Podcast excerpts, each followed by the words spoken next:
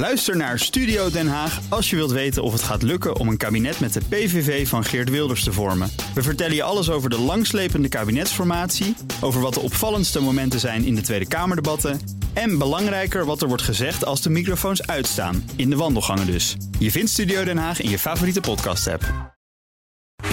Tech Update. Ja, dan nu wel naar de tech-update met uh, Connor Klerks. Connor, uh, nieuws over Reddit. Ja, bedrijf die, wil naar de eh, beurs. willen inderdaad uh, naar de beurs. Reddit kennen we als een kruising eigenlijk tussen een ouderwets forum en toch een modern sociaal media platform. En ze hebben in het geheim een aanvraag gedaan bij de SEC om naar de beurs te gaan. Dus een IPO wordt het, een Initial Public Offering. Ja, Reddit was heel veel in het nieuws dit jaar. Hè? Voornamelijk door de subreddit Wall Street Bets. Dus een forum wat de prijs van bedrijven, aandelenbedrijven zoals AMC en GameStop behoorlijk op wist te drijven. Voornamelijk leek het wel omdat ze dat gewoon grappig vonden. Maakte daarmee hedgefondsen die short zaten het leven heel erg zuur. Er waren zelfs een paar die omvielen. Um, en binnenkort kunnen de gokkers van Wall Street Bet dus losgaan op aandelen van hun eigen clubpie. Ja, daar werden dan meteen ook uh, wel grappen gemaakt over het forum dat ze dat naar grote hoogte gaan stuwen. nou, de laatste cijfers die we hebben van uh, Reddit die komen uit oktober vorig jaar. Toen zouden ze 52 miljoen dagelijkse gebruikers hebben, om en nabij. En um, eerder dit jaar was er een financieringsronde uh, privaat. En ja, toen kwamen ze op een waardering te staan van 10 miljard dollar. Nou, over die IPO weten we nog niet zoveel. Reddit heeft zelf nog niets gezegd over het aantal aandelen dat ze uit willen geven of wat die zouden moeten gaan kosten. Dan gaan we naar Amerikaanse luchtvaartmaatschappijen die waarschuwen voor 5G-chaos. Ja, grote luchtvaartmaatschappijen zeggen dat de plannen voor 5G in Amerika, die in januari van kracht worden, duizenden vluchten zouden kunnen verstoren en passagiers op zouden kunnen zadelen met vertraging ten waarde van 1,6 miljard dollar op jaarbasis, schrijft Reuters. Volgens um, luchtvaartmaatschappijen moeten de plannen van telecomaanbieders AT&T en Verizon, uh, die willen het C-band uh, spectrum gebruiken voor 5G, zo snel mogelijk in de koelkast. De baas van United Airlines, dat is Scott Kirby, die zei na een hoorzitting van de Senaatscommissie dat het gebruik van die C-band zo'n 4% van de vluchten kan vertragen of uh, zelfs uh, dat die geschrapt zouden moeten worden. Nou, de luchtvaartsector um, en de FIA, dat is uh, Federal Aviation Administration, zeg maar de, de, de, de, de waakhond uh, voor de luchtvaart, die waarschuwen dat uh, 5G problemen kan veroorzaken met gevoelige apparatuur. Dan moet je denken aan hoogtemeters, die werken met radiosignalen.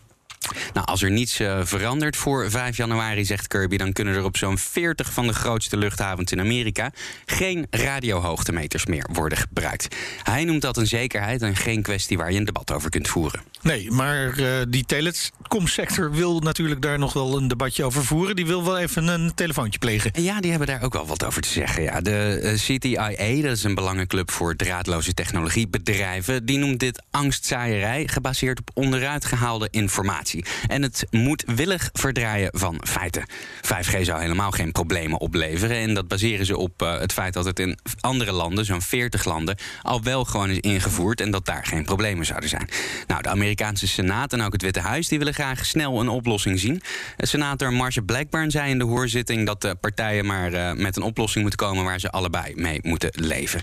En even terug naar Kirby, de baas van uh, United. Die zegt dat de FCC en de FAA samen in één ruimte moeten gaan zitten om dit op te lossen. En hopelijk doen ze een raampje open. Ja, precies. Dat lijkt me verstandig. Uh, dan zijn er cijfers van de Mars-helikopter Ingenuity. Ja, het uh, vliegende broertje van het dappere Marskarretje ja. Je houdt toch die, van dingen? Ja, ik ben heel ja. erg fan van die twee dingetjes. Ze zitten met z'n tweetjes op de rode planeet heel erg ver weg en ze komen nooit meer naar huis. Er komt een maar, keer een film over, denk ik. Ja, daar, daar, daar, dat, dat dus met een liefdes, liefdesrelatie komt tussen die twee en dan komt er een klein nieuw Mars. Ja, Wally. Nou ja.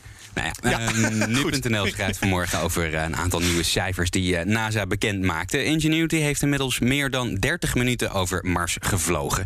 En dat is veel meer dan de oorspronkelijke bedoeling. Eerder deze maand werd de 17e vlucht alweer uitgevoerd. Terwijl er eigenlijk ehm, dit jaar en überhaupt maar vijf waren gepland. Want NASA had helemaal niet verwacht dat Ingenuity het zo goed zou doen en ook zo lang vol zou houden.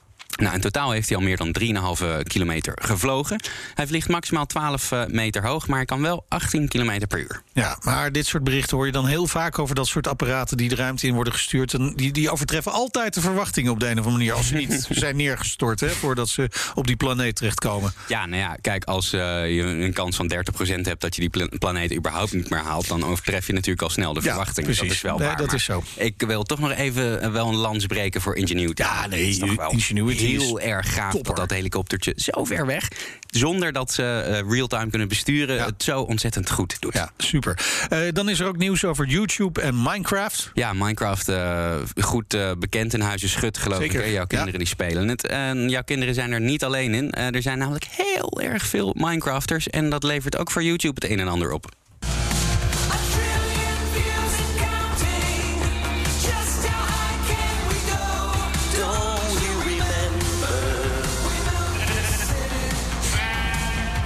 geiten? Ja.